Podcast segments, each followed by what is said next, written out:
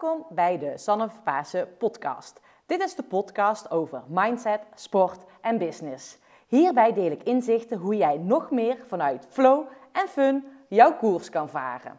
Veel luisterplezier.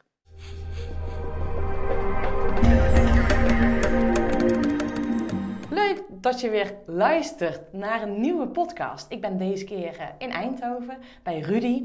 En uh, Rudy um, is dagvoorzitter, spreker, staat regelmatig op het podium, heeft in de finale van Heel Brabant Spreekt gestaan. Ik heb zijn uh, talk, talk gehoord, gelezen zelfs op LinkedIn. Superleuk, met de tekst, wat heb jij nodig? nou, ik ben heel nieuwsgierig, Rudy, wat jij nodig hebt. Um, en Rudy heeft een heel erg mooie missie. Rudy, vertel eens even. Dat is misschien wel leuk om daarmee te beginnen, om met jouw missie te uh, beginnen. Want jouw missie sprak mij enorm aan. En dat is ook de reden waarom ik samen hier vandaag bij jou aan tafel zit. Dus vertel ons er eventjes iets meer over. Ja, zeker. Nou, allereerst hartstikke leuk dat je er bent. En in de notendop, de missie bestaat uit twee woorden. En dat zijn Nederland positiveren. En dat tweede woord, dat werkwoord, laatst stond ik voor een groep in Den Haag. En ik vroeg wie heeft ooit van dat woord gehoord. En van de 35 mensen ging de ene hand de lucht in. En toen zei ze nog, ja, maar ik denk dat ik het eigenlijk zelf verzonnen heb. En zei ik, nou, dan zijn er twee van. Want in 2011 heb ik dit woord zelf verzonnen. Eigenlijk vanuit de behoefte uit mezelf, wat ik zelf heel hard nodig had. Destijds studeerde ik bouwkunde. Het ging toen helemaal niet goed met de bouwsector. Ook op de faculteit bouwkunde in Eindhoven kwam naar voren. Het is zwaar weer, er zijn geen banen voor ons, we kunnen maar weinig doen. En ik werd zo ontzettend moe van dat gedroeftoeter en die negatieve klanken, dat ik dacht, daar moet ik eigenlijk iets tegenover zetten. En dat is jouw reden geweest, omdat op dat moment was het crisis, denk ik. Mm dat jij zoiets had van, oké, door die droeftoeter, daar wil ik iets met mijn positiviteit mee. Um, en ik heb ergens ook uh, in een van jouw talks die je hebt gedaan, uh, gehoord of vertelde je dat jij echt uh, het uh, dikke vandalen hebt opgebeld van joh, ik heb een nieuw woord, positiveren. ja, toen was ik nog zo naïef om te denken, nou je belt ze op, je vraagt naar hun e-mailadres en je zegt ik heb het woord al klaarstaan op de mail en zelfs een grove beschrijving erbij. Maar ja, wie ben ik om dat woord in te vullen? Ja. Als jullie de mail hebben, schaaf hem gerust bij en plak hem in jullie woordenboek. Uh En toen moest ik tot mijn teleurstelling horen, nou, nou, nou, meneer Van Beurden, dat gaat zo makkelijk niet. Eerst dient een woord drie jaar lang overal gebruikt te worden. In de media, bij talkshows, op televisie, in het gewone verkeer. Overal waar je maar kunt uh, bedenken. En dat meten zij op een of andere manier. Ik weet niet mhm. hoe ze dat doen. Misschien geschreven worden. En dan na drie jaar in het gebruik wordt er getoetst door een speciale commissie.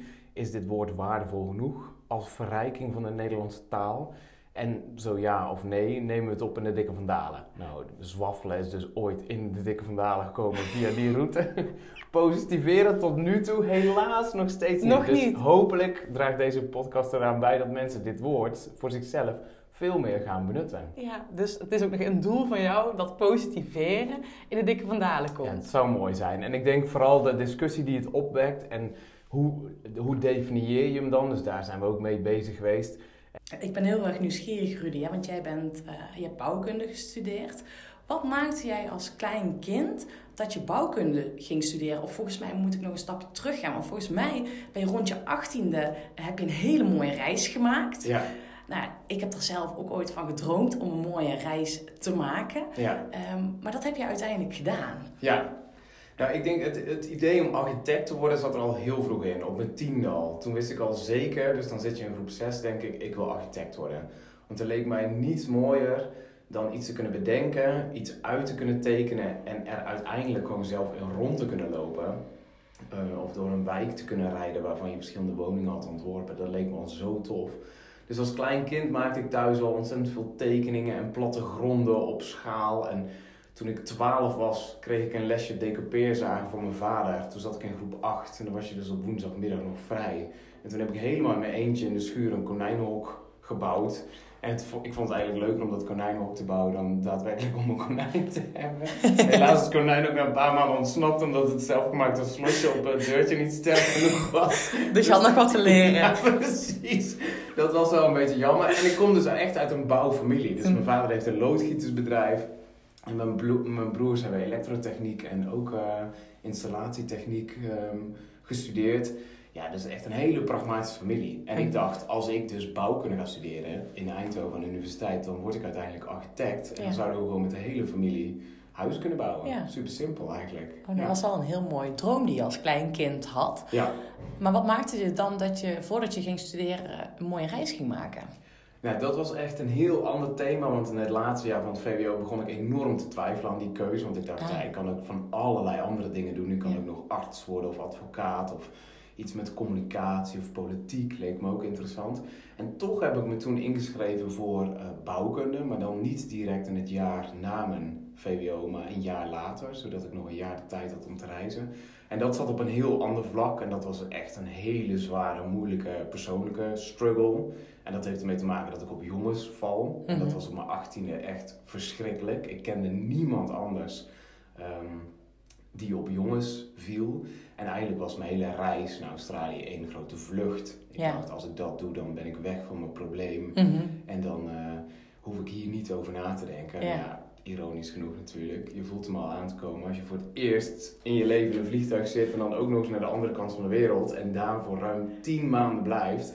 Ja, dan komt dit issue, de Ja. worsteling waar je mee zit, drie dubbel hard in je gezicht terecht. Ja. Want je hebt geen nonsens dingen die je afleiden. Je, je zit alleen maar daarover te piekeren. ja, en alleen met jezelf. Ja, dus dat was echt, echt een extreem zware beproeving Mhm. heel moeilijk jaar. Ik heb meerdere keren echt verscheurd door heimwee gedacht. Ik ga nu naar het vliegveld. Ik laat die auto die ik hier heb gekocht, die grote backpack, backpacker station wagon, hier staan op het vliegveld met de sleutels en het contact. Maakt me niet uit wie hem vindt en wie hem meeneemt. Maar ik ga nu, nu naar huis. Maakt me niet uit hoeveel een ticket kost. En tegelijkertijd dacht ik ook, ja, en dan, dan ben ik thuis. Dan zit ik in een vergelijkbare situatie. Misschien nog wel erger, want al mijn vrienden zijn dan inmiddels gaan studeren. Ik kom terug in de winter. Ja, wat dan? Dan is het nog niet opgelost. Dus telkens motiveer ik mezelf, Rudy, nog één dag. En dan zie je wel hoe je er dan weer bij zit. En Ja. 24 uur, en misschien herkennen mensen dat ook die luisteren. 24 uur kunnen soms een wereld van verschil maken. Tussen het echt niet meer weten, het echt niet meer kunnen. Tot de ontmoeting van een totaal onbekende. Ja. Of iets wat heel verrassends Ja. plaatsvindt. Waardoor je weer denkt, wauw, dit is toch echt een van de betere keuzes die ik heb gemaakt. Ja. En welke momenten zijn dat voor jou tijdens die reis geweest? Want het klinkt alsof het een heel stru- struggeling is Ja. geweest. ja. Maar volgens mij ben je niet eerder naar huis gekomen. Nee, klopt. Nee, wat dat betreft ben ik ook wel echt reteregen eigenwijs en ook met een kop door de muur mentality. Als ik dit bedenk, dan ga ik het gewoon doen. En het Mhm. maakt me eigenlijk ook niet uit hoe lang het dan duurt. Mhm. Uh, maar dit is gewoon een pad dat ik kies en daar ploeg ik maar doorheen. Ehm, nou, één, ja, die, eerste maanden die waren echt verschrikkelijk. Je moet je voorstellen dat ik net 18 was. Ik had drie weken mijn rijbewijs eh, voordat ik naar Australië vloog. Ehm, thuis ben ik ontzettend beschermd, opgegroeid in een hartstikke leuke familie. Mijn moeder deed alles voor ons. Tot en met 6 VWO smeerde zij mijn boterhammen op voor de lunch. En echt waar, ongelogen, in die eerste week dat ik in een hostel was in Sydney, in Australië, moest ik echt naar iemand toe gaan om in mijn meest dramatische Engels aan iemand te vragen: hoe bak je een ei? Ik was 18 en ik wist niet hoe je een ei moest bakken. Ik moest dat aan iemand vragen. So I had a long way to go. Ehm, maar dat, dat zat allemaal in dat jaar. En als je vraagt van wat zijn de turning points geweest, op een gegeven moment kwam ik een Duitse backpacker tegen, want ik nam ook mensen mee in die Ja. auto die ik had gekocht en dan kon je kosten delen. Ja. En ik was nog te jong om een auto te huren en met de bus dan heb je veel minder vrijheid, dus ik had al heel snel een auto gekocht. En zij was echt als een zus voor me. De- Wij klikten gewoon zo ontzettend goed. Zij was een jaar of zes ouder, denk ik. En we hebben enorm veel hikes gedaan door dat hele grillige landschap. En echt gesproken over dingen die er toe doen. Over de liefde, over je familie, over zelfacceptatie, over persoonlijke ontwikkeling. En een van de meest waardevolle dingen die zij tegen mij zei, en toen was ik al vier maanden onderweg, toen zei ze: Rudy, jij pakt nou tien maanden uit je leven om hier iets van te maken, om dit voor jezelf op rijtje te krijgen. En als je zo dadelijk teruggaat, na nog een half jaar, dan kun je niet verwachten van al die mensen om je heen dat ze er in één dag of binnen één week fine mee zijn. Dus eigenlijk de tijd die jij jezelf nu gunt, deze tien maanden, dien jij vanaf de dag dat je terugkomt ook te gunnen aan al die mensen om je heen. En dat was eigenlijk een van de beste tips Want iedereen maakt in zichzelf een bepaald proces door. En iedereen is ook wel eens gefrustreerd over een ander dat hij of zij nog niet zo ver is. Maar als je jezelf echt aankijkt in de spiegel, dan kun je je afvragen hoe eerlijk het is om eenzelfde proces binnen no time af te dwingen bij een ander. Terwijl je er zelf bijna een jaar over hebt gedaan. Ja. En dat heb ik echt te harte genomen. En uiteindelijk kwam ik terug en had niemand een negatieve reactie. Ik had de meest pitch black worst case scenario in gedachten. Dat ik verstoten zou worden van familie en dat ik niet meer welkom zou zijn thuis. Nou, echt verschrikkelijke gedachten waar ik me later heel schuldig over heb gevoeld. Waarvan ik dacht, hoe heb ik dit ooit kunnen bedenken? Maar waar was je dan bang voor? Ja, dat ik gewoon de, de complete paria was, of die outlier, of dat ik helemaal niet in het plaatje paste van ja, hoe mijn broers hun leven leiden of mijn ouders. Mhm, mhm. In het dorp, hard werken, gewoon recht toe, recht aan, niet te moeilijk. Ehm, en ik, ik, ik had altijd het idee, er is nog veel meer en ik wil meer van de wereld zien. En misschien ga ik ooit wel in een stad wonen en ik zou heel graag willen gaan studeren. Ja. Ik hoef niet per se te weten waar ik over vijf jaar sta of wat ik dan doe. Dat, dat vliegt me juist naar de keel. En dat hadden mijn broers helemaal niet. Dus ik voelde me al heel lang, jarenlang, ook op, op het VWO tijdens de middelbare school, anders. Anders dan anderen. En dat knaagt wel aan je als je geen gelijkstemmen tegenkomt. Omdat jij, als ik het dan goed begrijp, omdat je bang was of omdat jij merkte van joh, ik, ik wil of ik bewandel niet dat geëikte pad wat van mij verwacht wordt. En dat vond je, worstelde je jezelf mee, hoe jouw omgeving daarmee eh, op zou reageren. Ja, ja. En was het dan qua toekomstvisie, hoe je jezelf in de toekomst zag? Of was het ook in relatie dat je op mannen valt? Of waar had dat mee te maken? De, de- het, het op mannen vallen vond ik allereerst al verschrikkelijk. Dus ik ben opgegroeid in Vlijmen, dorp bij Den Bosch. En ja, ik zat echt wel in zo'n hele sterke monocultuur. En of mensen het nou echt meenden of niet, maar er was altijd wel een sfeer over homoseksualiteit. eh, dat het iets ver van je bed was. Of dat, dat de, de plaatjes van de gay pride, die vullen heel dat beeld. Terwijl ik legio mensen ken waarvan je totaal niet zou zeggen, die net zo goed homoseksueel zijn. Maar ja, die staan er niet in een onderbroekje op een boot te dansen. Nee. Dus daar identificeerde ik me ook totaal niet mee. Ehm, dus dat is moeilijk als die, ja, die, die, die mening over ja, andersgestemde, andersgezinde al zo zwaar is. Dan ga je ook aan jezelf twijfelen. Ben ik wel goed genoeg? Eh, kan ik het veranderen?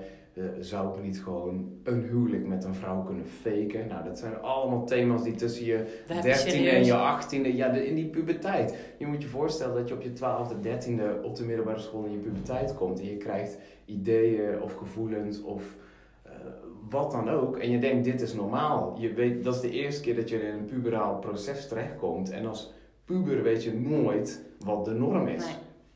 Je denkt, nou, misschien komt het bij mij later dat ik ook op meiden ga vallen. Of misschien Ja. ervaren alle jongens dit. Of Ja.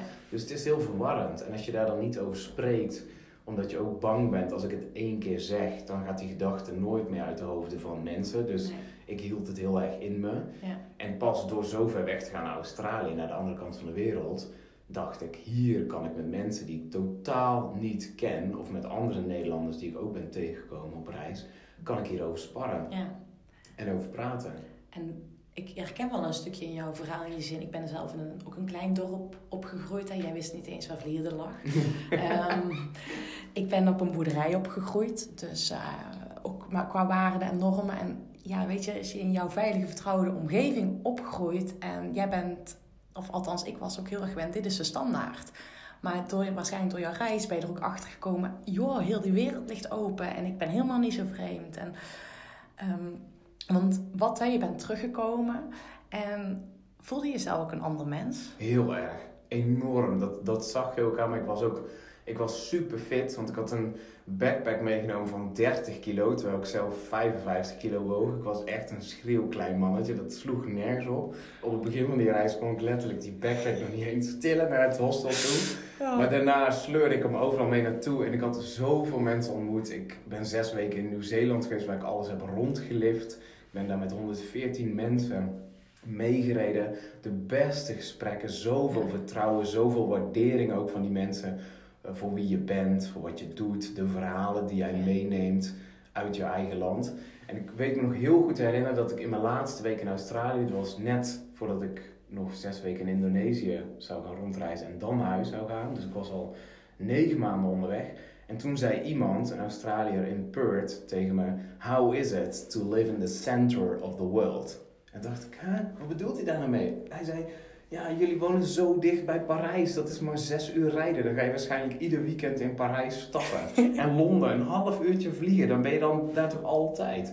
En hij vanuit de meest geïsoleerde stad ter wereld, Perth, helemaal in West-Australia, keek daar echt naar op. Hij zei, je moet echt realiseren dat al het nieuws dat wij hier krijgen gedomineerd wordt door dingen die in West-Europa plaatsvinden of in Amerika. Ja. Dus al het nieuws wij weten over Amsterdam, over Parijs, over Londen.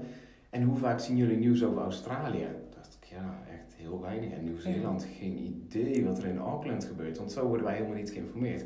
Dus dat leerde mij ook een les over perceptie. Mhm. Hoe zie je jezelf? Wat is je positie ten opzichte van iets? En het is dus mogelijk om je perceptie te updaten. Niet alleen over de plek waar je woont en hoe centraal je woont. Of nou Vlijmen of Vlieren is. Hey, Ja. de zes uur van Parijs. Ja. go. There maar, we go. maar ook naar hoe je naar jezelf kijkt. Ja. En ik denk dat de grootste verandering die ik in die tien maanden heb doorgemaakt, dat ik zo. Ik was altijd al heel autonoom. En ik, ik hing al niet zo heel sterk aan de meningen van anderen. Want ik dacht, ja, je moet vooral, je hebt altijd ik bij je. Dus Ja. je moet zorgen dat je jezelf op de rit houdt. En in jezelf blijft geloven. Maar toen ik terugkwam, dacht ik echt, ja, zelfs fuck it. Als ze me echt uit het nest zouden kieperen, bij wijze van echt slechte gedachten. Maar dan ga ik gewoon terug. Want Ja. ik heb gewoon een jaar lang heb ik mijn eigen boontjes gedopt. Ik heb baantjes gehad. Ik heb mijn eigen poen verdiend in Australië. Ik heb heel het land op eigen houtje rondgereisd. Ja. Ik kan dit. Ja. Dus, dus in plaats van daar aankomen nog geen ei kunnen bakken. Nou ja, een jaar later... eh, ik flik, flik het wel. Ik Ja. flik het wel. zo is het, Ja. inderdaad. Dus dat vertrouwen in je eigen kunnen is zo ontzettend belangrijk als je al een bepaalde beproeving hebt gehad. En daarna ging ik dus studeren. Eh, start ik in september 2006 met de opleiding bouwkunde aan de Universiteit in Eindhoven. En daar kwamen ook van die gekke frats van introweek en ontgroening. En ik dacht echt, wat een grap is dit? Is dit een Ja. ontgroening? Want ik had zulke rauwe heimwee ervaren. Die je gewoon van binnen opeet eigenlijk. Dat je echt met kerstmis echt het stereotype, de winkels zijn dicht en met één bordje koude macaroni alleen zit, zonder dat je daar iemand hebt om het mee te vieren. Dat je denkt, oh wat heb ik mezelf aangedaan. Maar ja, als je zo door dat dal bent gegaan, Ja.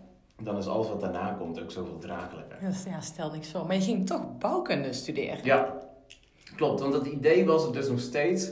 En al die andere universitaire studies die waren toch heel theoretisch Ja. en allemaal uit je hoofd. En bij bouwkunde dacht ik ook, wauw, daar zit het atelier bij waarin je gaat ontwerpen. We hebben een maquettewerkplaats, je bent toch met je handen bezig. En de bouw is gewoon ontzettend breed. Dus als het geen architectuur wordt, dan kun je alsnog aannemer worden of stedenbouwkundige. Of eh, je kunt dingen doen met vastgoed. En die essentie dat mensen altijd ergens moeten wonen, ja, dat, dat spreekt me wel aan. Het, is gewoon iets dat ertoe doet. Er zijn sommige sectoren die echt voor de luxe zijn en voor ons comfort. Ja. Hartstikke prima dat mensen daarmee aan de slag zijn, maar ik wil toch wel met meer elementair, elementaire dingen bezig zijn. Ja, En wat is er dan in die studieperiode gebeurd? Want hoe lang heb je gestudeerd? zeven jaar. Zeven jaar. ja, je lacht me uit al die tijd dat jij al lang en breed op de wielrenfiets Nee, zit. dat is waar. Want ik, ik heb ook gewoon... Nou, nee. Ik heb ook langer over mijn studie gedaan. Ehm, maar ik lach er niet om uit. Ik, lach, ik zet een lach op mijn gezicht. Omdat ik heb gelezen of gehoord eh, in een van jouw eh, filmpjes die ik heb gezien. eh, dat je ook moeite had elke keer met kerst. Dat je dan zei... Ja, hoe gaat het met je studie? Klopt. Ja, Ja. ik ben nog steeds bezig. Dat je, dat, dat best wel een vervelend gevoel ehm, bij jou opleverde. Ja, en dat had er ook mee te maken. Dus ik was al aan de slag al die jaren al. Dus dat, dat gebeurde halverwege het VWO al voor een jongerenorganisatie in Utrecht. En die leerde me echt over persoonlijke ontwikkeling. Ja. Voor hen gaf ik al workshops en trainingen aan andere jongeren door het hele land. Oh. Aanvankelijk over debatteren, maar ook steeds meer over presenteren. Dus dat deed ik al voordat ik naar Australië ging. En dat ben ik door gaan zetten toen ik terugkwam. Dus dat deed ik aanvankelijk Ah. allemaal als vrijwilliger.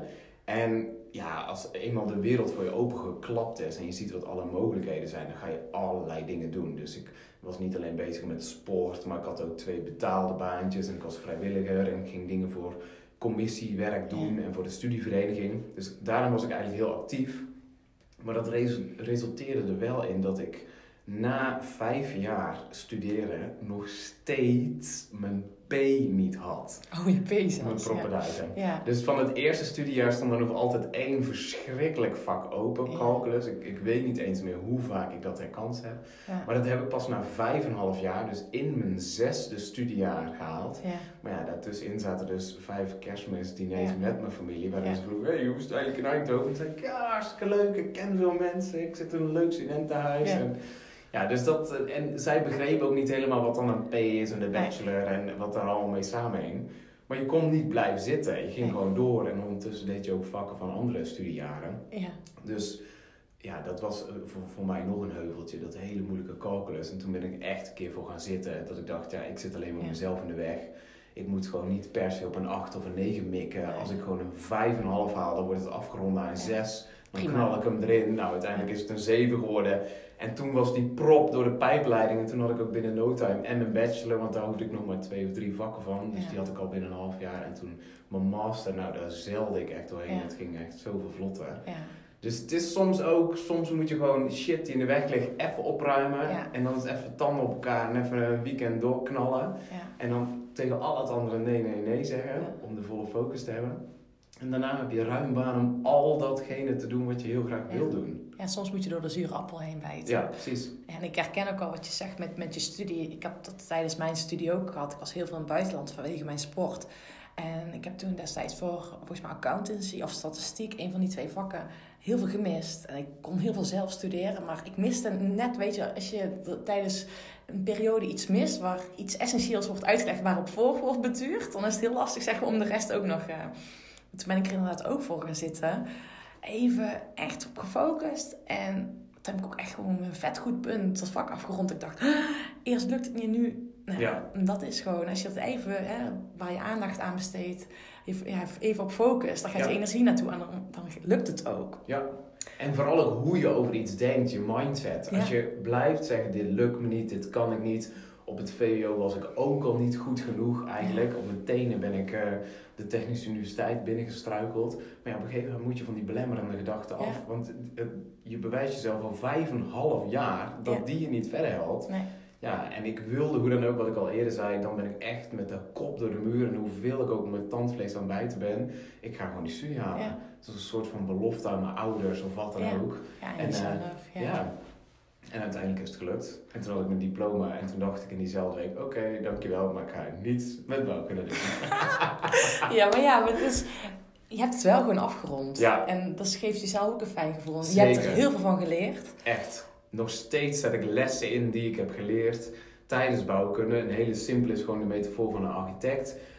Uh, begin with a goal. Begin with the end in mind, Ja. zegt Stephen Covey. Ja. Een van de zeven lessen van effectieve mensen. Maar dat is eigenlijk ook de, de basishouding van een architect. Ja. Dus terug te komen naar de titel van die talk. Als jij een huis wil laten bouwen en je komt bij een architect, dan probeert hij er ook achter te komen wat jouw specifieke antwoord is op de vraag: wat heb jij nodig? Wat had jij nodig? Ja, Ja. wordt het een huis voor jullie twee of Ja. zijn er kinderen op komst? Wil je een grote garage omdat je aan je auto wil sleutelen? Vragen, vragen, vragen.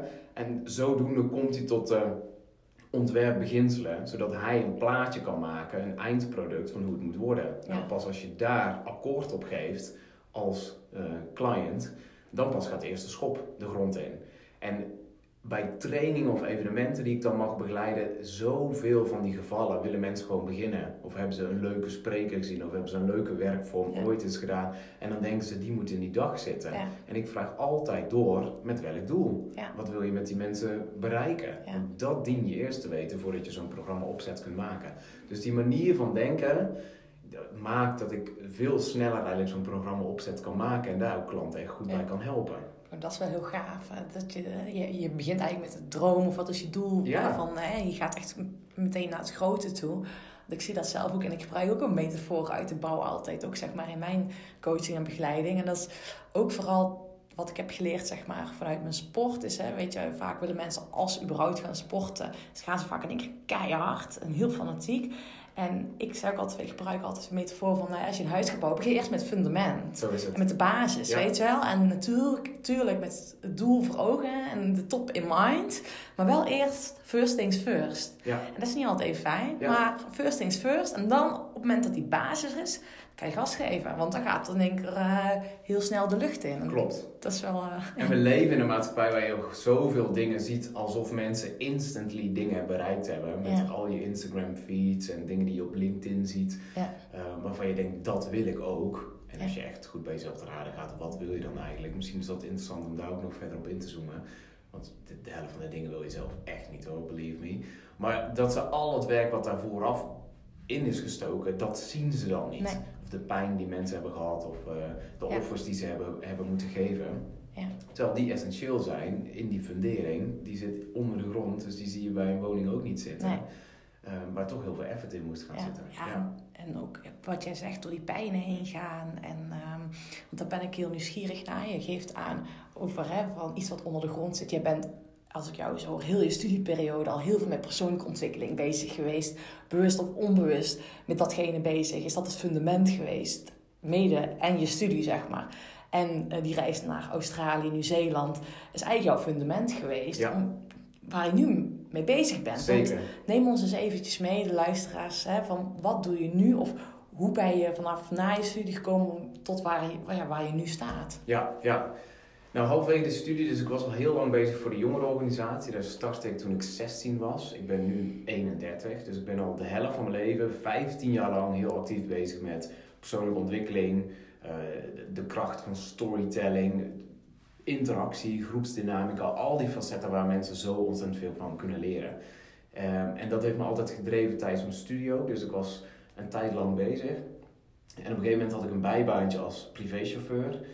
En toen zat ik net aan het begin van mijn master. Dus ik had nog twee jaar op de teller staan. En toen moest ik iemand chauffeuren. Dat was in de buurt van Asten. Een hele rijke accountant was dat. En die was gewoon te druk om gewoon zelf achter het stuur te zitten. Dus ik moest hem in die dure Volvo van hem overal naartoe brengen. Maar als hij dan een afspraak had, zat ik vervolgens een uur of anderhalf uur in die auto te wachten. En dan kon je een boek lezen of kon je je studie besteden. Maar toen was bij mij het plannetje ontstaan. Ik, ik wil gewoon vette dingen doen. Want eigenlijk bevond ik me toen ook op een periode dat ik dacht... "Mwah, Na vijf jaar studeren heb ik mijn P nog steeds niet. Dit kost wel heel veel energie. En als dit alleen maar de introductie is van mijn verdere loopbaan... Ja, dan wordt het wel echt zwaar en dan ga ik niet lang volhouden. Dus ik zakte langzaam ook weg in zo'n dalletje waarvan ik dacht, oh wat een eigenlijk. En ik heb vettere momenten in mijn leven gekend. Want ik heb ook heel veel hoogtepunten meegemaakt bij de jongerenorganisatie, maar ook in Australië. En met heel veel projecten die ik al naast mijn studie had gedaan. Dus toen was het eigenlijk in de zomer van 2011, dat is nu ruim zeven jaar geleden, dat ik de allerbeste beslissing van mijn leven heb gemaakt. En die luidde simpelweg, vanaf nu ga ik alleen maar gave dingen doen. Dingen Ja. waar ik echt in geloof en dingen waar ik energie van krijg. Want als die twee voorwaarden voorhanden zijn, volgt de rest wel. Ja. En zo werkt het ook echt bij mij. Dus in de zomer van 2011 ben ik gestart met gaaf positieve energie. Heb ik me ingeschreven bij de KFK als, als eenmanszaak. En toen ben ik twee jaar lang arms wide open op iedere klus of paneldiscussie of groepsworkshop of wat dan ook. Zei ik, oh, dat kan ik ook doen. En dat gebeurde echt, dat startte met een appel en een ei. Mijn eerste klus was voor een VVV-bon van 50 euro, denk ik. Maar prima, ik had er nog een paar bijbaantjes bij. En langzaamaan, naarmate ik meer ging verdienen met gaaf, kon ik die bijbaantjes afbouwen. Totdat ik gewoon na twee jaar studeren mijn masterdiploma had van bouwkunde. En dus de keuze heb gemaakt, nou dankjewel bouwkunde, je hebt me veel geleerd in zeven jaar tijd. Maar ik ga niet verder in die sector, omdat het ook best wel grimmig was, maar ook best wel pessimistisch en conservatief. Dat ik dacht, oké, alle dingen die ik in de bouw zou kunnen en mogen doen, die leveren me misschien een 8 op. Al die vette dingen die met gaaf op me zitten te wachten, ja, daar, krijg ik gewoon een 10 gevoel van. Weet je Dat is wel. echt gaaf. Het is onzeker, ehm, ik kan mijn talent inzetten, ik, public speaking vind Ja. ik super tof. Ik wil mensen inspireren, storytelling vind ik vet, maar ik wil andere mensen ook aan de gang zetten met mind-blowing opdrachten en workshops. Nou, dus het voordeel om al tijdens mijn studie begonnen te zijn, is dat ik al een paar opdrachtgevers had Ja. en al veel ervaring daarmee van hoe je dat aanpakt. En toen is het mondjesaan maat eigenlijk gegroeid. En wat jij al eerder zei, alles wat je aandacht geeft groeit. Ja. En dat is ook zeker het geval. Dat als heel je studie klaar is en je hebt op een gegeven moment 40 of 50 uur in de week om echt dedicated aan je business te besteden. Maar Ja, het groeit. kan niet anders dan Ja. dat je dan meer opdrachten Ja. krijgt en uiteindelijk ook beter wordt in wat je doet. Ja. En bovendien, die beslissing die jij maakt, dat je alleen maar gave dingen gaat doen waar jij energie van krijgt. Dat merk ik bij mezelf, zie ik bij heel veel andere mensen. En dat zie ik bij jou, volgens mij is dat ook gebeurd. Op, een op het moment dat je dat doet, zien mensen dat, worden ze enthousiast van jou. En ja, je zit natuurlijk ook, daar sta je ook helemaal voor, voor het po- eh, positiveren, Ja, ja. energie geven. Ja, die boost kan je alleen maar mensen geven als je zelf ja, energiek en positief bent. dat klopt. Klopt. En dan heb je echt een mega aanzuigende werking. En ik doe ook heel veel met teamtrainingen en binnen commerciële organisaties of stichtingen of het onderwijs. En soms zet ik gewoon een, training stil, want dan komt er een idee of een brainstorm of wat dan ook komt er voorbij. En dan zeg ik, wow, even time out. Ja, Geloven jullie hier zelf in? Ja. Als het je eigen token zou zijn, zou je heel dit plan dan optuigen? Nou, nee, maar het hoort bij de strategische doelen. En dan denk ik al, dit is gewoon niet de weg waarop het gaat lukken. Je wordt Nee. links en rechts ingehaald door een vlottere, snellere Ja. start-up. omdat Met die jonge lui die denken, ja, we hebben iets totaal anders bedacht waar we wel met hart en ziel in zitten. Dus het kan niet Ja. anders dan dat die start-up zo'n Ja. grotere organisatie inhaalt. Ja. En als je, als je aan mensen dan vraagt wat ze echt belangrijk vinden, dan is dat echt wel even vroeten en, en zoeken. Maar als je aan mensen vraagt waar loop je echt helemaal op leeg, dan hebben ze binnen no time een project of een proces of een vergaderingscyclus hebben ze Mhm. te pakken. Ja. Dan zeg ik, nou, waarom zou je niet naar je manager toestappen om te vragen, kunnen we niet even het een tegen het ander inwisselen? Ja. Dus ik heb een keer een klus gedaan voor de gemeente Eindhoven. En de volgende ochtend had ik via Facebook een berichtje van een van die deelnemers daar. Die zei, wauw, jouw inzicht om gewoon een project om te wisselen met een ander. Ik ben vanochtend eerst werk om half negen naar mijn manager toe te gaan. Ik heb gezegd dat ik op dat en dat project helemaal leeg loop. Hij zei, nou prima, geef hem maar terug en kies maar een ander project voor in de plaats. Ja. That easy.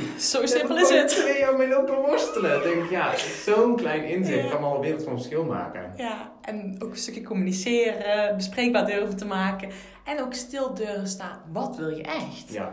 Want wat wil jij echt? Ja, dat is in de kern en dat, dat, zit, dat komt echt wel uit dat inkt, inkt zwarte dal in Australië. Toen ben ik echt, echt zo ver gegaan dat ik dacht, ja, misschien is het gewoon voor iedereen beter en voor mijzelf ook als ik morgen gewoon niet meer wakker word. Dus dat heb ik echt maandenlang aan een stuk. Was dat een terugkerende gedachte die echt inktzwart was, waar ik ook met niemand over kon praten, waar ik alleen maar eh, in mijn dagboek toen, in mijn reisdagboek over kon schrijven. En dat was het gevoel dat je pas voor het eerst in Australië had. Nou, ook, dat sluimerde ook wel in Nederland al. Mhm. Gewoon niet het gevoel hebben om ehm, aansluiting te hebben. Mhm. Of, ehm, ja, het is niet per se het woord ambitieus, maar ook wel gewoon de honger of de nieuwsgierigheid naar andere werelden. Die, die zat ook niet zo sterk in mijn klasgenoten. Mhm. Eh, dus daar zat ik al niet in een hechte vriendengroep of zo. Als, Mhm. als in van, ik kan niet zonder die mensen. Want als je dat wel hebt, Ja. dan is het veel aannemelijker dat je gewoon blijft waar je bent, in je dorp. Want ja, dan wil je dat niet verliezen. Maar wat ik al eerder zei, mensen vinden het zo ontzettend veel makkelijker om aan te geven wat ze niet willen, wat ze niet zijn, waar ze niet in geloven, Ja. in plaats van de andere kant van het lijstje. Ja. Dus in al die talent programs waar ik, wat wil ik, wie ben ik, wat kan ik centraal staan, ja, dan gun ik de deelnemers bijna wel eens om een keer van tevoren door zijn dal geweest te zijn. Want dan wordt het veel makkelijker om die dingen te benoemen. Ja. En terug naar jouw vraag, wat wil jij dan echt? Ja, het klinkt misschien heel cliché, maar in de kern komt het op drie woorden neer. Ik wil stralen. Ik wil maximaal mijn potentie inzetten. Ik wil bijdragen. Ik ben echt niet vies van hard werken, maar dan moet het wel iets zijn waar ik in geloof en waar ik ook echt energie van krijg. En ik heb geleerd dat de rol van dagvoorzitter, spreker, teamtrainer echt op mijn lijf geschreven staat. En het duurt een tijdje, het duurt misschien wel jaren voordat je denkt, ik ben goed genoeg. En in plaats van een WVW-bon, drie kauwgomballen en een stuiterbal, ga je me gewoon geld betalen voor dit. Want je denkt, hè, dit is toch super simpel. Ik doe gewoon waarvan ik denk, zo moet het of zo werkt het. Het vloeit gewoon als een malle. En vervolgens komen mensen naar je toe en die zeggen, wauw, dit was zo gaaf. Hier moet je echt iets meer mee gaan doen. Hier moet je je werk van maken. En dan denk je, huh, maar dit is gewoon mijn hobby. Dit doe ik gewoon als je me niet zou betalen. Op een gegeven moment moet je voor jezelf als professional, Ja. als je er echt van wil leven... Ja. en er dus zoveel mogelijk van je tijd mee bezig wilt zijn... Ja. gewoon de keuze maken. Nou oké, dan ga ik het ook professionaliseren. Ja. Dus terug naar de vraag, wat wil jij echt? Ik wil stralen. Daartoe dien ik mijn talenten en potentie in te zetten. Welke rol hoort daarbij? In mijn geval die van dagvoorzitter, spreker en teamtrainer. Ja, en welke klussen heb je dan nodig? Dan heb je dus die verschillende podia nodig of die settings waarin jij jouw ding kan doen. Ja. En dan moet ik vooral niet bij een heel groot aannemersbedrijf 40 uur van mijn leven per week achter een computer gaan Nee, zitten. Dus- waarin jij wegzakt in dat moeras. ja, maar niet ten nadele van die mensen. Want zelfs als zij dat leuk vinden om als een projectleider te zijn of gedetailleerd details uit te werken van een gebouw, fantastisch. En voor al die mensen hebben we een job en die hebben we hard nodig.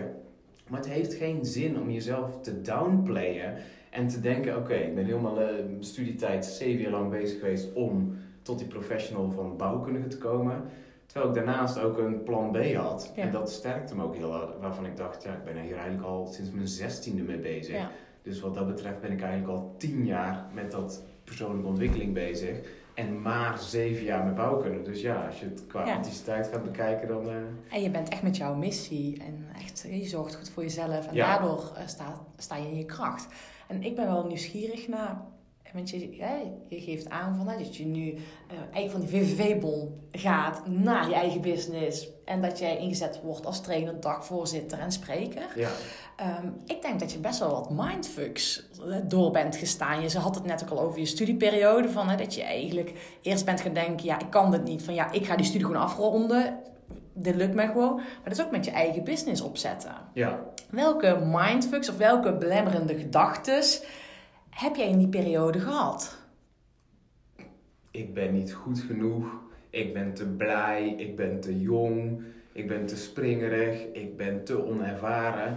Al die dingen. Totdat je mensen ziet die misschien net iets jonger zijn dan jij of drie jaar ouder zijn dan jij en een programma draaien waar je toevallig zelf in het publiek zit en denkt: "Huh, Is dit het? Kom op man, je zou nou dit en dit moeten doen. Of dat je denkt: Ja, kom. Ik heb één keer ergens meegedaan met een ondernemersavond en daar ging een gast pitchen. Nou, echt tenenkrommend. En die bleek pitch-expert te zijn, zichzelf uitgeroepen daartoe. En het was die avond dat ik dacht, ik ga pitch-trainingen geven. Ja, Want ik heb tien jaar ervaring met mensen die staan te wauwelen voor groepen. En ik begrijp hoe ik ze tot de, tot de kern kan krijgen. ja. Nou, en als je dat vaker aanbiedt, dan word je daar ook vaker voor gevraagd. Mhm. Ehm, tot een jaar geleden dat ik bij het NK Pitchen van Nathalie Mangelaars, met wie ik ook veel samenwerk, de keynote mocht verzorgen in een volle zaal in de jaarbeurs in Utrecht. Ehm, in 10 minuten tijd, hoe zet je een snelle to-the-point pitch in elkaar? Dus ook daar, en als je een keuze maakt en je houdt er wat langer aan vast, dan kom je daar wel toe. En ik denk nogmaals, dat is misschien wel een kernboodschap, maak gewoon ook eens een lijstje wat je sowieso niet wilt of waarvoor je niet staat. En wat is de tegenhanger daar dan van? Want dan kom je langzaamaan ook dichter tot jouw eigen kern, wat jij wel belangrijk vindt en waar je in gelooft. En daar kun je gewoon voor kiezen om je werk van te maken. ja. Oh, dat is wel heel gaaf. Maar wat stond er op jouw niet-lijstje? Want Oh, je had al natuurlijk bouwkunde afgestreept. Ja. Maar ja, dan heb je natuurlijk je eigen business. Je bent evenementen gaan organiseren. Het was heel breed. Het was zo ontzettend breed. Dus ik begon, mijn bedrijfsnaam is dus Gaaf Positieve Energie. En de eerste helft van die bedrijfsnaam, die is, eerlijk is eerlijk, eigenlijk heel e- egoïstisch. Gaaf. Ik wil alleen maar gave dingen doen. Omdat ik ook wist dat als ik daar niet actief voor kies, dan loop ik de kans om weer die helling af te glijden en in dat verschrikkelijke moeras terecht te komen. En er was ooit een turning point in, uh, turning point in Australië geweest, waarin ik tegen mezelf had gezegd: Dit nooit meer. Dit is gewoon levensgevaarlijk. Hier moet ik nooit meer terecht zien te komen. Dus ik moet er alles, maar dan ook alles aan doen om niet van die helling af te glijden. En dat is dus bewuste keuzes maken. Dus juist de andere kant van de medaille kiezen. Dat is dus gaaf. En ik weet wat de voorwaarden daarvoor zijn, want ik moet erin geloven en ik moet er energie van krijgen. En het andere gedeelte van de bedrijfsnaam is positieve energie. En dat was wat in 2011 knijterhard nodig was. Want kranten stonden vol, mensen, allemaal zeurpieten. Dat ik Ja. dacht, kom op man. Ik heb een groot deel van de wereld nu al gezien. Ik had ook andere reizen gemaakt inmiddels tijdens mijn studietijd. Wij zijn een van de rijkste landen van de wereld. Een van de gezondste, een van de meest hoger opgeleide landen. landen. We live in the center of the world. En we maken er geen gebruik van. Of we are not living up to it. Nou, daar was ik dus zo klaar mee dat ik dacht, ik ga gewoon die roepen in de woestijn zijn. Ja. En dan zie ik wel wie er naar me wil luisteren en wie me opbelt of boekt. Nou, dat is dus langzaamaan begonnen met allerlei verschillende klussen. Van zaalinterviews tot gespreksmoderatie tot debattrainingen, van alles. En langzaamaan ben ik me meer en meer gaan specialiseren op de vorm. Hoe je interactie en hoe je een programma opbouwt en de volgorde van programma-elementen in elkaar schuift. Anders dan specifieke inhoud. En die, die, die inhoud, als dat al iets is, dan gaat het over die optimistische mindset, persoonlijk leiderschap, groepsdynamica. Ik durf te zeggen dat ik daar sterk in ben. Dat mensen me daar ten alle tijde voor kunnen bellen en dan Mhm. heb ik daar een idee over. Maar onderwerpen, ja, die kunnen over van alles gaan. Ja. Dus dat maakt dat mijn doelgroep heel breed is. Van Ja. Stichting Vluchtelingenwerk tot en met Philips of Heijmans of partijen als Enexus en Brabant Water. Hele verschillende partijen. Maar ja, uiteindelijk willen mensen allemaal een stapje verder of vooruit of een betere teamsamenwerking hebben. En daar help je bij. Ja, En wat je niet wilt, want heb... Hè, klopt ja, daar vroeg je naar. Nou ja, en misschien ook al eventjes leuk om eh, voor de luisteraars om te weten. Ik heb, eh, we- waren al langer geconnect via LinkedIn. En eh, ik ben eens gaan nagedenken, hoe is die connectie ontstaan? En ik heb een keertje een van jouw events gezien en dacht ik, hé, hey, dit is gaaf om naartoe te gaan. Want volgens mij organiseerde jij een event waar iedereen op in kon schrijven. Klopt. Ehm, kan je daar eventjes iets meer over vertellen? Ja, nou in die eerste jaren was het dus echt, ik moest bijkomen van die studie, want dat was echt een aanslag op mijn leven qua uren en oh, ik was bijna overwerkt tegen de tijd dat ik eh, 26 was. Dus in dat jaar daarna heb ik eigenlijk zo min mogelijk gedaan en alle opdrachtjes die ik kreeg, die ben ik gaan doen, maar ik heb ook heel veel boeken gelezen en ik ben echt na gaan denken over waar staat gaaf nou voor, voor dat optimisme en die energie. Wat wil ik wel doen en wat niet. Ik wil niet rapporten schrijven, ik wil niet op kantoren zitten, ik wil niet eindeloos in vergaderingen zitten of in files staan. Dat ga ik allemaal niet doen. Dat heb ik voor mezelf ook allemaal opgeschreven. Dus dat is één super concrete tip al aan luisteraars. Set your own life rules. Heb ik laatst gedaan met Young Professionals in Tilburg. Die moesten allemaal vijf regels voor zichzelf opstellen. En eentje die zei, ehm, als ik langer dan drie weken pieker over mijn relatie, dan maak ik het uit. Iemand anders zei, ik ga minstens twee keer in de week sporten. Weer iemand anders zei, iedere dag ga ik voor zonsopgang opstaan. Ik denk, nou, die is wel heel eh, pittig, maar goed. En in, in plaats van dat mensen dachten, dit limiteert me, voelden ze zichzelf eigenlijk vrijer. Want Mhm. in zo'n wereld als de onze, waarin alles mogelijk is, dien je eigenlijk jezelf een paar limitations op Ja. te leggen, zodat je met een paar thema's aan de slag gaat en Ja. niet met 641 dingen Ja. tegelijk. Dus daar was ik dus ook heel erg met gaaf mee bezig. En toen kwam ik erachter dat ik de rol van dagvoorzitter super vet vond. En toen ben ik aan allerlei mensen om me heen gaan vragen: hoe word ik binnen drie jaar tijd een van de beste dagvoorzitters van Nederland? Nou, er werden allerlei open deuren opengetrapt. Dat je moet interviewen, je moet rap van tong zijn, humor, werkvormen. Maar één persoon zei toen een keer: Ik denk dat de beste dagvoorzitter van Nederland ook zijn eigen events organiseert. Want dan creëer je eigen podium. Ja. Oké, die Uit ik jezelf vellen. Nou, toen is het idee binnen zeven weken van Blow Our Minds ontstaan. Mhm. Binnen zeven weken hadden we een locatie, een programma, 55 betalende deelnemers. Super vet. Ik had 10 vrijwilligers, professionals om me heen opgetrommeld. De een deed iets over voeding, de ander over scrum, dan weer yoga, storytelling, van alles. Waarvan ik dacht, deze 10 mensen hebben mij massively hard geïnspireerd. Als ik ze bij elkaar zet, dan ontstaat er gewoon een bom van positieve energie. Blow our minds. Positieve energiebom. En we hadden 55 deelnemers, hadden een 8,3 in de gemiddelde beoordeling van mensen. En nou, we waren echt over the moon. Die borrel daarna duurde twee uur. Er zijn vriendschappen gesloten. Mensen die nu nog, vier jaar later, contact met elkaar hebben. En toen dacht ik echt, wat is dit? Het was gewoon een magical ehm, toverrecept, weet je wel. Van tevoren wisten we echt niet wat we gingen doen. Maar, eh, maar, maar het ontstond gewoon. En dat gaf ook weer olie op het vuur van dit moeten we vaker gaan doen. Want dit kunnen we gewoon en we weten de juiste snaar te raken. En dat hebben we in totaal zes keer georganiseerd. En parallel daaraan kwamen mijn eigen aanvragen als dagvoorzitter en spreken die namen ook gewoon flink Ja. toe. Want dan, ja, dan creëer je weer reuring. Daarnaast eh, hebben we ook, heb ik veel blogs geschreven op LinkedIn. Dus daar ben ik actief, waar veel mensen me op volgen. Maar hebben ook staande ovaties gedaan met het kleine blauwe krukje. Oh ja, dat heb Op pleinen, dus honderden mensen hebben de staande ovatie gedaan. Alles om dat positiveren te vullen eigenlijk. Dus de blogs, de events, gaaf events. Ehm, en, en alle losse opdrachten die ik deed, die leidde ik eigenlijk allemaal daar naartoe. En daardoor kreeg Gaaf steeds meer en meer vulling. En na zes edities kwam ik erachter. We hebben ontzettend veel geleerd, we hebben heel veel mensen bereikt. Organiseren is niet mijn ding. Wat ik net voor de post podcast ook al tegen jou zei. Ik ben veel meer van improviseren, snel schakelen. Ik wil het land in. Ik wil niet met al die kleine details bezig zijn van draaiboeken. Laat dat de opdrachtgevers maar doen. En dan kom ik voor het ding wat ik heel graag wil doen. Ja, waar je dus uiteindelijk, ja. En dan kies je en dan word je gekozen. Kies en word je gekozen is ook een veel gehoorde uitspraak. Misschien ook wel door ZZP'ers. Want als jij dan zegt, ik ben die dagvoorzitter, ik ben die spreker, ik ben die teamtrainer met veel positieve, positieve energie en 15 jaar ervaring om Ja. welke doelgroep dan ook Ja. vlot te trekken, Ja. dan word je daarvoor gebeld. Dan komen de mailtjes. Maar ik vind het wel cool, want je zei ook voorafgaand dat wij eh, al de, de opname aanzetten. Zei je ook van ja, ik ben eigenlijk ook niet zo, marketing is ook niet zo mijn ding. Maar als ik jou zo hoor, ik heb een marketingachtergrond, denk je, je bent echt fucking slim geweest. Want wat jij hebt gedaan is door die events heb je mensen kennis met je laten maken, heb je zelf in de spotlight gezet, je hebt zelf die expertstatus geclaimd om dat te doen. Eh, vervolgens ben je ook nog met die blogs bezig geweest. ehm, en jij bent heel goed in jezelf te positioneren. Want gaaf, voor po- eh, positieve energie. Ehm, jij staat ergens voor, dus jouw branding is echt super sterk. Nou.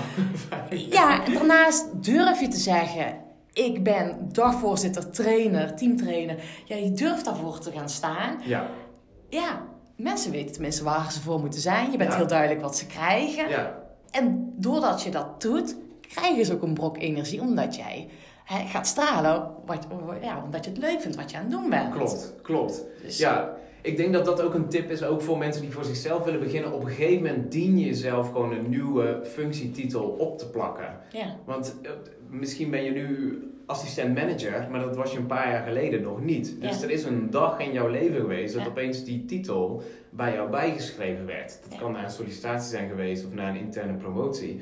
Maar zo werkt het eigenlijk ook met de titel die je jezelf toekent op LinkedIn. Ja. Er is ook een dag geweest dat ik dagvoorzitter slash spreker intypte. Dat ik dacht, ja, ik ben vooral trainer eigenlijk. In kleinere groepen, daar heb ik ervaring mee. Ja. Maar ja, fuck it. Op een bepaalde dag dien je gewoon die nieuwe titel te claimen. Om hem ook te kunnen gaan vullen.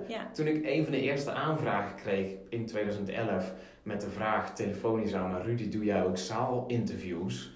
Dat je à la Twan Huis voor een grote zaal zit en een van de prominente persoon moet interviewen. Ja, moest ik wel heel eventjes eh, bij mezelf nadenken, maar het duurde niet langer dan een split second dat ik zei, ja, kan ik ook. hey, bluffen, want anders kom je er nooit tussen. Nee. Toen die man vervolgens zei dat hij, mooi, we gaan jou boeken en jouw gast van de avond is onze eregast van het event, oud-premier Ruud Lubbers. Nou, toen viel ik bijna flauw en toen dacht ik, holy moly, ik heb nog nooit een zaalinterview gedaan. Ja, Ja. maar dat heb ik wel gedaan toen, Ja. ik, toen ik 25 was. Ja. En ook dat was weer zo'n drempel. Je stapt eroverheen, volledig met het vertrouwen. Weet je, aan de andere kant van de drempel of aan de andere kant van de muur zijn er ook hele toffe mensen die ik om hulp kan vragen. Het zijn niet allemaal barbaren of enemies of... eh. Toen ik een keer huilend op een camping in, in Australië heb gezeten, omdat ik zo verscheurd was door heimwee, kwam ook die campingbazin naar me toe. Zei ze, oh boy, how are you doing? Can we do anything for you? En dan kwam ze gewoon uit zichzelf, kwam ze mij troosten, omdat ze gewoon een mens is, net zoals jij en ik, die ook wel zien als iets niet oké is. Ja. En ik denk dat dat een les is en dat is eigenlijk het centrale, de centrale kernboodschap waar ik nu steeds meer en meer na 15 jaar met honderden en honderden groepsessies op uitkom. De vraag is, het loont veel meer om vragen aan mensen gaan stellen dan om zelf antwoorden te geven. Waar ik in de finale van Heel Brabant Spreekt met topspreker Remco Klaassen op uitkwam. En dat is de onvervalste ABN-vraag, wij hebben jij nodig? Wat had jij nodig? Wij hebben jij nodig om gewaardeerd te worden, Ja. om gezien te worden, Ja. om gehoord te worden. En ga eens bij jezelf te raden hoeveel negatieve of eh, vervuilende incentives jij eigenlijk aan het doen bent. En dat kan van alles zijn met type mensen waar je per se mee om wil hangen, kleding, materiële spullen die je hebt, je Instagram feed die je soms ook maar helemaal faked omdat je denkt hier wil ik zoveel likes op hebben. Maar als je echt naar de kern gaat, hoeveel heb je dan echt nodig? En door als backpacker zo rudimentair over het zuidelijke halfrond rond te gaan met een backpack van weliswaar 30 kilo. Dat Te veel. zwaar. Ja, Veel da- te veel. je had veel te veel nodig. 15 kilo weet ik nou. Maar dat je weet, toen heb ik een jaar lang geleefd met alle spullen die gewoon aan mijn eigen schouders konden hangen. Ja. En nu, 12 jaar later, heb je veel meer materiële dingen, een Ja. huis, een auto. En dat is allemaal fijn, maar je hebt het niet per se nodig. Nee. Want ik heb mezelf bewezen dat het Ja. ook minder kan. En als je dus dingen weg gaat snijden, ook qua kosten of die auto, dan hoef je ook niet zoveel van jezelf Nee. om die poen te verdienen. Nee. Dus dan kun je je al een heel stuk minder druk maken. En dan ontstaat de ruimte om echt te ontdekken wat je wel wilt gaan doen als tegenhanger voor al die dingen die je nu al doet, die je eigenlijk al niet wil doen. Ja, dat is heel gaaf. En ik herken ook heel veel wat je zegt, joh. Dus dat je aan de ene kant al gaat handelen vanuit jouw toekomstige zelf. Van. Met keuzes die ik ook maak, denk ik, oké. hè, Have zou- a plan B. Ja, wat, wat, wat, past deze keuze bij wat ik over een jaar wil? Ja, doe ik. En geeft ook, geeft het me energie of kost het me energie? Ehm, en ook het stukje van inderdaad schrappen. Van je hebt helemaal niet veel nodig. Ik ben pas in Schotland geweest. Gewoon een tentje in de regen. Boeiend. Dan ben ik heel gelukkig. Zo is het. En dat is heel mooi. En dat vind ik ook wel gaaf om eh, dat bij jou terug te horen. Ja, En wat je net ook benoemde, stukje, een stukje over die live rules. Hè? Dat je dat eh, eh, met, met een team eh, samen ging bespreken met jonge professionals. ja. Wat zijn jouw eigen live rules? Eén, allerbelangrijkste is piek wanneer het nodig is. Dus voordat de podcast aanging, vroeg je me ook: ben jij altijd optimistisch? Niet altijd, kan ik in alle eerlijkheid zeggen. Maar je kunt je wel afvragen op een schaal van 1 tot 10: hoe optimistisch ben ik? Of hoe open-minded ben ik? Of hoe vergevingsgezind ben ik? En op zulke vragen, of welk cijfer geef ik aan mijn leven? De pessimisten en de critici die zeggen ook: nou, je kunt echt niet 100% van je tijd gave dingen doen. Dan zeg ik, nee, dat klopt, maar er is nogal een verschil of je 80% van je tijd gave dingen doet of maar 8% van je Ja. tijd gave dingen. Dus het is geen binaire schakelaar van aan of uit, het is gewoon een geleidende schaal. En voor mezelf terug te komen op mijn eerste life rule, piek wanneer het nodig is, is aan te geven dat je op die momenten dat je geboekt wordt als spreker of als professional, dan moet je er gewoon zijn. Ja. In dat uur met dat interview van Ruud Lubbers, dan moet ik gewoon helemaal aanstaan. Maar daarna ben ik compleet uitgeblust. Misschien moet ik die volgende dag mijn ochtend enigszins vrij plannen om gewoon heel rustig te kunnen starten. Ja. Op mijn dode gemak om gewoon even weer tot mezelf te komen. Dus het is zo'n illusie dat mensen om jou heen of die jou online volgt 100% van de, de tijd aanstaan. Ja. Ik heb topondernemers geïnterviewd, ik heb met ze gesproken van alles. Die doen dat ook heel slim. Die zijn er wanneer het nodig is. En op die momenten presteren ze bovengemiddeld. Ja. En op basis daarvan worden ze gevraagd. Maar die andere tijd zorgen ze dat ze genoeg oplaadpunten hebben om zichzelf weer klaar te maken Ja. voor die dingen. Zo is het ook met topartiesten. Die staan ook niet 40 uur per week te zingen op een groot podium. Nee. Dat doen ze een paar keer per week. Nou, en dan verdienen ze een poen. Ja. En dan zijn ze bezig met waar ze mee bezig willen zijn. Dus het karakter van de rol die je hebt, die vereist ook wanneer je aan moet staan of niet. Ja, ik, herken veel, want dat is natuurlijk ook in de sport zo. Ehm, en je geeft ook tussendoor aan, hè, van, je hebt oplaadpunten, maar hoe laat jij nu op? Want hè, je, bent, hè, je staat aan, eh, je straalt helemaal, barst van de energie. Ja. Maar ik herken ook wel dingen daarin. Maar ik ben heel erg nieuwsgierig van, oké, op het moment dat je dan hè, gaat opladen, hoe doe je dat? Verschillende dingen. Sport is er bij mij dus ook één. Dus hardlopen of fitnessen. Eh, ik vind het heel fijn om alleen te zijn. Dus soms zijn er ook weken dat ik zeven of acht klussen heb. Nou, dan heb je in zeven dagen tijd honderden mensen Ja. ontmoet en gezien. En dan, dan kun je bijna die dingen niet meer verwerken in je hoofd. In het najaar van vorig jaar kreeg ik een bedankkaart van een opdrachtgever toegestuurd met foto's van dat event. En daar was ik jurylid geweest. En ik herkende mezelf niet eens meer. Ik dacht, hè, waar was dit? En dat was een week eerder geweest in Tilburg. En ik kon me het event gewoon niet meer herinneren. En toen dacht ik, wow, het is nu echt even tijd voor een week pauze. Ja. Dus ook lummelen, Ja.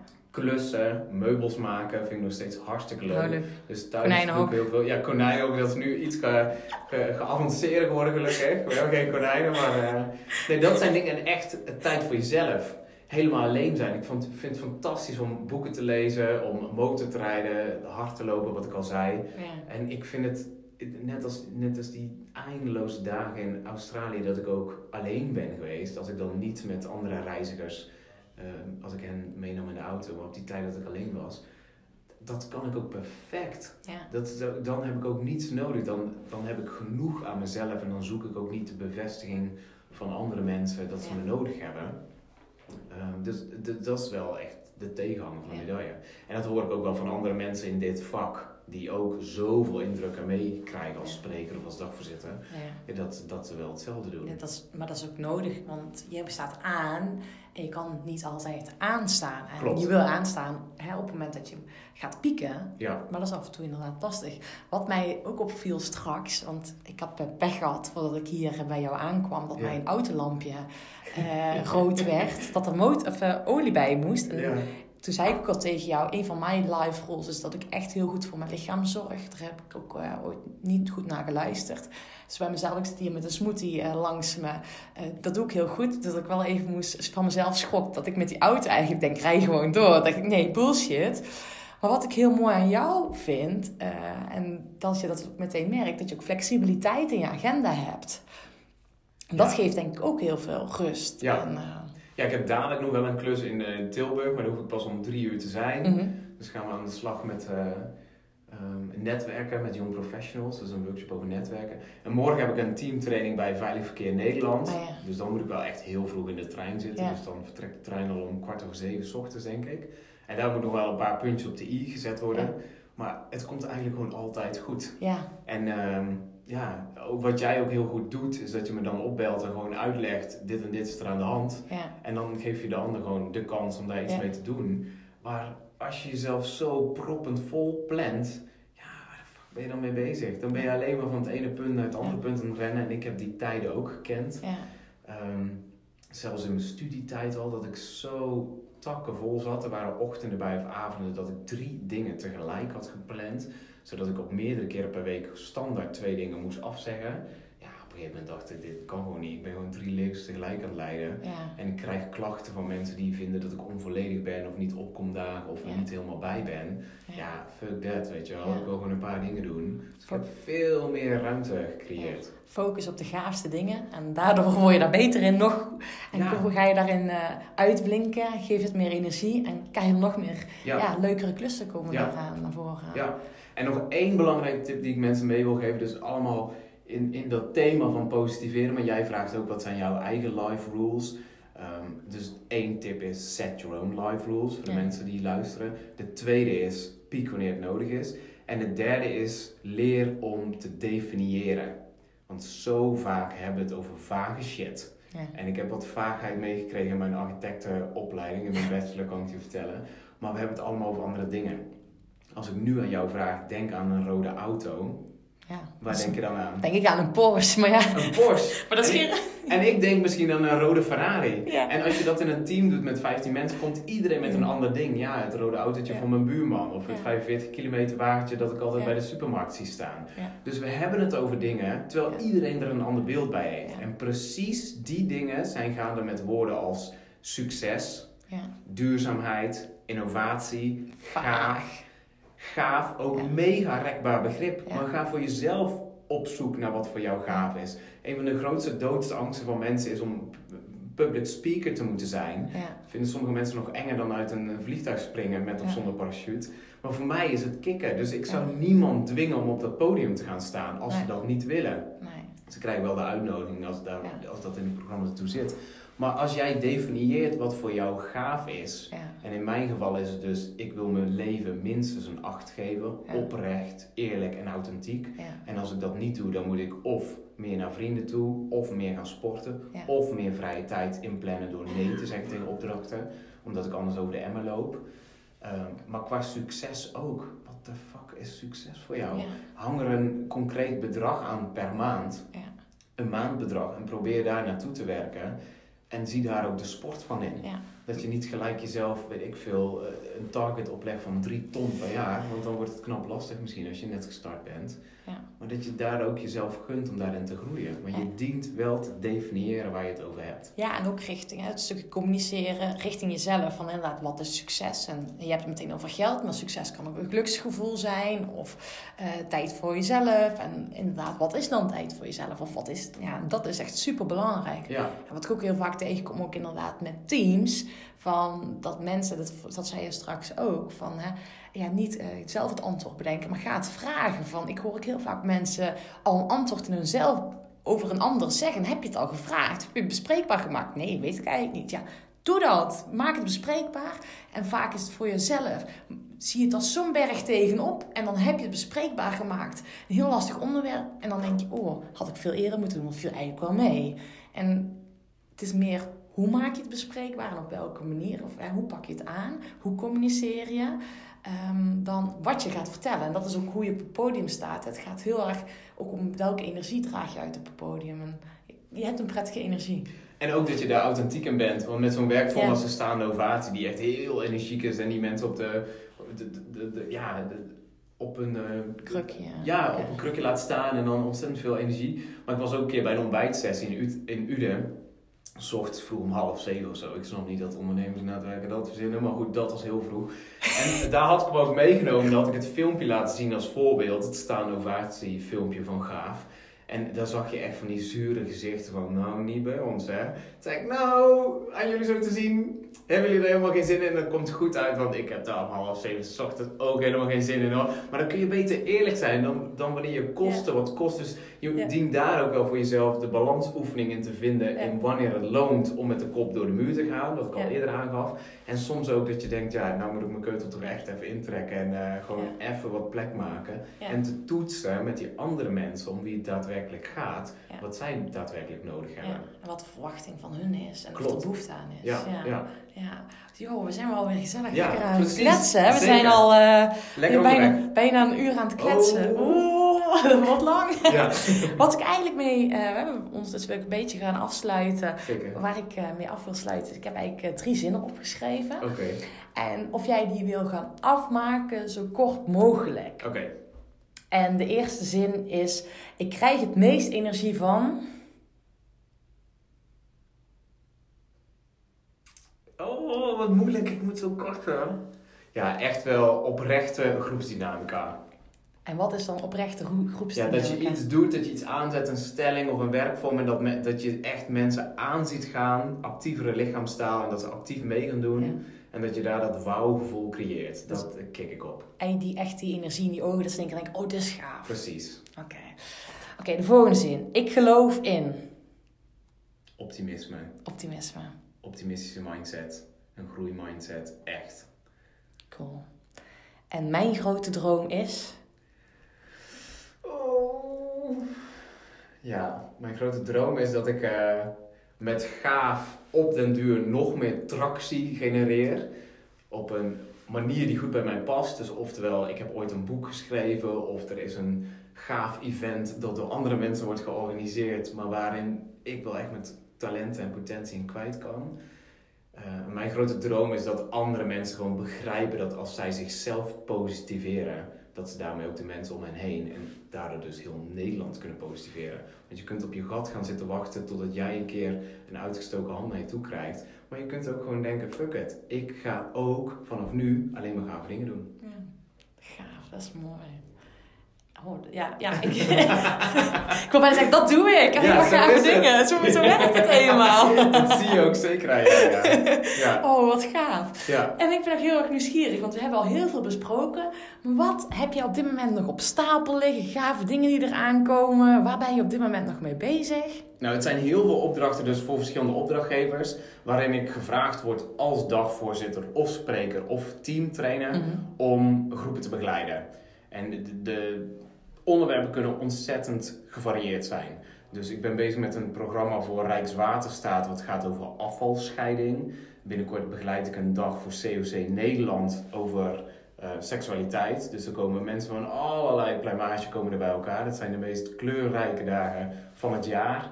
Ik ben bezig met die opzet voor uh, jongeren vanmiddag over netwerken. Dus dan gaat het echt over vaardigheden. Hoe kan ik beter netwerken? Hoe kan ik mezelf beter presenteren? Hoe kan ik beter verhalen vertellen om datgene wat ik voor elkaar wil krijgen over de bühne te, te brengen?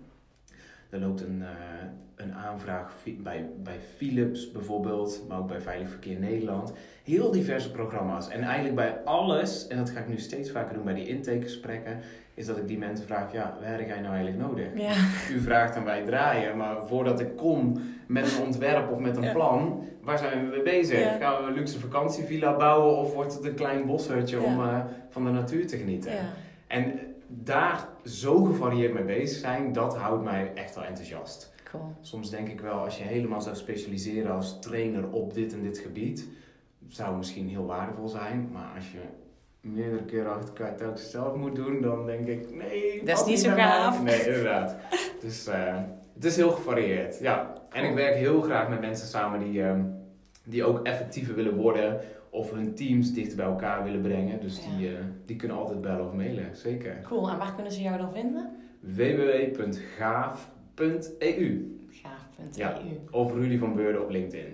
Top. Ja, Ja. want op LinkedIn ben je ook heel erg actief en zo. Is ja, ons leuk contacten. medium. Ja, Ja, is ook, eh, ik begin het ook steeds leuker te vinden. heel inspirerend ook. Ik lees ook veel op LinkedIn en daar eh, Ja. Jij- dat houdt je ook scherp. Ik vond jou, eh, je hebt jouw speech uitgeschreven. Waar had jij nodig? Die jij hebt gedaan voor, tijdens de finale van Heel Brabant Spreekt. Super inspirerend. Dus ik zou ook aan de luisteraars willen aanbevelen om jou daar eens even op te zoeken en met jou te connecten. Ja, zeker. Altijd welkom. Rudy, ik weet niet of jij zelf nog iets wilt toevoegen of wilt delen.